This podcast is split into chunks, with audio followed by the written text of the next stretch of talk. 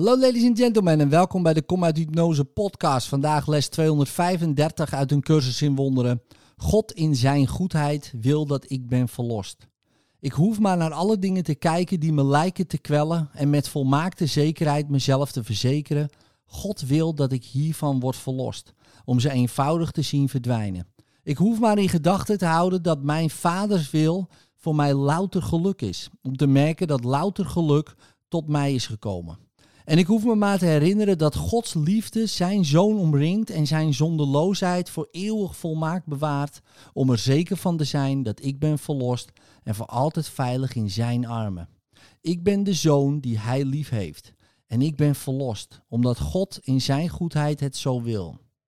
Vader, uw heiligheid is de mijne. Uw liefde heeft mij geschapen en mijn zondeloosheid voor eeuwig tot deel van u gemaakt.